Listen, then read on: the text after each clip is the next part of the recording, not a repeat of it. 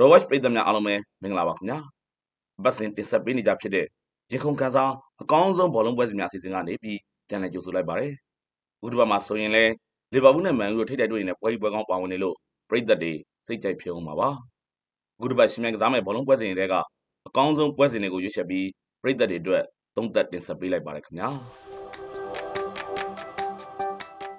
ရှက်ဆီရှက်ဖီးယူနိုက်တက်နောက်ဆုံးကစားခဲ့တဲ့ပရီးမီးယားလိနှစ်ပွဲဆက်တိုက် ရှက်ဆီအေးနေထားပါတယ်။ဒါဟာရှက်ဆီအနေနဲ့ပုံမှန်ရှည်စွမ်းပြန်ရလာလားလို့တော့ပြောရတော့မလို့ပါပဲ။ဒီပွဲကတော့ရှက်ဆီအတွက်ဒီဇင်ဘာပွဲချက်ကာလစီတွန်းဝင်ခင်မှာ PR တွေအောက်ကနေရုံးထွက်ခွင့်ရနိုင်မယ့်ပွဲပါပဲ။ရှက်ဖီးယူနိုက်တက်ကအမှတ်ပေးစရာရဲ့အောက်ခြေစီကိုရောက်ရှိလို့နေပါပြီ။လက်တလောခြေစွမ်းတွေကရှက်ဆီကိုရှက်ဖီးယူနိုက်တက်ရှင်နိုင်မှုမလွယ်လာပါဘူး။ရှက်ဆီဂိုးပြအနိုင်ရသွားပါလိမ့်မယ်ခင်ဗျာ။နယူးကာဆယ်ဖူလန် ဖူလန်ကကစားပုံပြန်လည်တိုးတက်လာပါတယ်။နောက်ဆုံးကစားခဲ့တဲ့ပရီးမီးယားလိပွဲစဉ်လေးပွဲမှာဖူလန်ကသုံးပွဲအနိုင်ရအောင်စွမ်းဆောင်နိုင်ခဲ့တယ်ဆိုတာမမေ့သင့်ပါဘူး။ဖူလန်ကအသင်းလိုက်ကစားကောင်းမွန်လာတဲ့အတွက်နယူးကာဆယ်ဟာပွဲချက်ကစားရတာမျိုးဖြစ်လာနိုင်ပါတယ်။ PR တွေအောက်ကနေလွတ်မြောက်နိုင်မှုအတွက်နယူးကာဆယ်ဟာနိုင်ပွဲတစ်ပွဲလိုအပ်လို့နေပါပြီ။နယူးကာဆယ်ပဲအနိုင်ရသွားပါလိမ့်မယ်ခင်ဗျာ။မန်စီးတီးခရစ္စတယ်ပဲလေ့စ်မန်စီးတီးဟာ ပရီးမီးယားလိပွဲစဉ်တွေကိုအပြည့်အဝအာရုံစူးစိုက်နိုင်မှုလိုအပ်လာပါပြီ။ခရစ္စတယ်ပဲလေ့စ်ကတော့အခုအတိုင်းဆိုရင်သိပ်မကြခင်မှာပဲတမ်းမစင်းရရေးအတွက်ရုန်းကန်ရတော့မှာပါ။ဒီနှစ်မှာသူတို့တက်ပိုးပြီးညံ့ညင်တိုင်းညံ့လို့နေတဲ့အသင်းတွေရှိနေတာကြောင့်သာခရစ္စတယ်ပဲလေ့စ်ကတန်းစင်းစုံတွေကိုထိုးကြမသွားသေးတာဖြစ်ပါတယ်။မန်စီးတီးရဲ့ကိုပြနိုင်ပွဲဆိုတာကိုယုံကြည်ထားလိုက်ပါ။လီဗာပူးမန်ယူ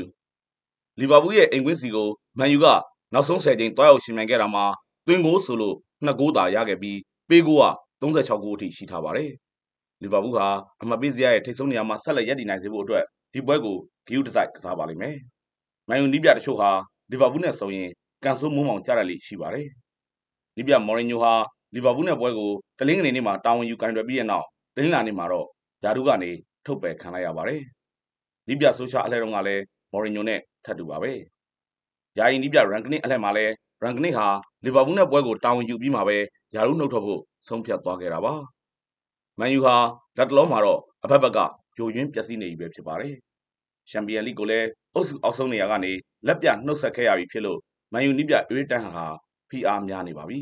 ။လီဗာပူးဟာယူရိုပါလိကစားခဲ့ရပေမဲ့စိန့်ကယ်လိုက်နဲ့ပွဲကိုအားထက်ပြီးမကစားခဲ့ပါဘူး။အဲဒါကြောင့်မန်ယူနဲ့ပွဲအတွက်လီဗာပူးက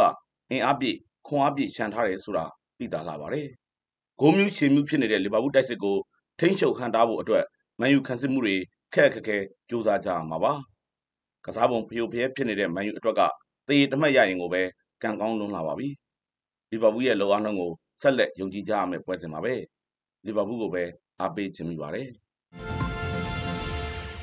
အာဆင်နယ်ဘရိုက်တန်အက်စတွန်ဗီလာနဲ့ ပွဲစဉ်မှာ အရေးနိုင်ခဲ့ရတာကို ပြန်လည်ကုစားဖို့အတွက် အာဆင်နယ်က အားထည့်ကစားလာပါလိမ့်မယ်။နှစ်သင်းလုံးဟာဥရောပပွဲစဉ်တွေကစားခဲ့ရတာကြောင့်ပွဲပန်းနေမှာပါ။ Brighton ကလည်းလက်ရှိချိန်မှာအသင်းလိုက်ကစားပြန်ကောင်းလာတာကိုမြင်တွေ့နေရပါတယ်။နောက်ဆုံးကစားထားတဲ့ Premier League ပွဲစဉ်၅ပွဲမှာ Brighton ကရှုံးပွဲဆိုလို့တပွဲတည်းသာရှိခဲ့တာပါ။ဒါပေမဲ့ Arsenal ဟာအရှိန်နှစ်ရက်ကိုစဉ်းစားပြီးဒီပွဲကိုကစားသွားပါလိမ့်မယ်။ Man City နဲ့ Aston Villa တို့ကနိုင်ပွဲကိုစီရသွားခဲ့ရင်သူ့ကိုကြော်တက်သွားနိုင်တာလီဗာပူးကမန်ယူနဲ့ပွဲချက်ကစားရလို့ တလွဲတချော်ဖြစ်သွားခဲ့ရင်သူ့အနေနဲ့အမှတ်ပေးစရာထိတ်ဆုံးနေရာစီပြတ်တက်နိုင်မှုအခွင့်အရေးရှိနေတာစတဲ့အချက်တွေကအာဆင်နယ်တွေးဆထားရမယ့်အရာတွေပါပဲ။ Brighton ဟာကစားတိုးတက်လာသည့်တိုင်သူ့အနေထားကအမြင့်ဆုံးအဖြစ်ယူရိုပါလိဝင်ခွင့်တနေရာစားလောက်ကိုပဲမျှော်လင့်ခွင့်ရှိနေပါတယ်။အဝေးကွင်းပွဲစဉ်တွေမှာအသင်းကြီးတွေကိုသူတင်ကိုတင်ကစားနိုင်လောက်တဲ့ခွန်အားမျိုး Brighton စီမှာရှိမနေပါဘူး။ Brighton ဟာတံပြန်တိုက်စစ်ကစားပုံမဆိုးလာရင်မဲ့ခံစစ်ပိုင်းဆိုင်ရာမှာလိုအပ်ချက်တွေရှိနေသေးပဲဆိုတာကိုတော့ သတိပြုရပါလိမ့်မယ်။ Aston Villa နဲ့ပွဲတုန်းကအမှားယွင်းတွေကိုစနစ်တကျပြန်လည်ပြုပြင်ကူစားပြီးအာဆင်နယ်ပွဲထွက်လာပါလိမ့်မယ်။အိမ်ကွင်း Emirates လည်းဖြစ်နေတာကြောင့်အာဆင်နယ်အခွင့်အလမ်းတာလို့နေပါတယ်။အာဆင်နယ်ကိုပဲယုံကြည်လိုက်ပါ။အာဆင်နယ်ရဲ့အနိုင်ရလာဟာအနေဆုံးအဖြစ်နှစ်ဂိုးပြသနိုင်ပါတယ်ခင်ဗျာ။အခုဆိုရင်ဒီတစ်ပတ်မှာရှင်မြိုင်ကစားမယ့် Premier League ပွဲစဉ်တွေကအကောင်းဆုံးပွဲစဉ်တွေကိုရွေးချယ်ပြီးရခုံခန်းစားအကောင်းဆုံးဘောလုံးပွဲစဉ်များဖြစ်တင်ဆက်ပေးခဲ့ပြီးပဲဖြစ်ပါတယ်။ The Watch ပရိသတ်တွေအားလုံးကံကောင်းမွေနဲ့ဆုံစည်းနိုင်ပါစေလို့လည်းဒီနေရာကနေဆုမွန်ကောင်းတောင်းပေးလိုက်ပါတယ်ခင်ဗျာ။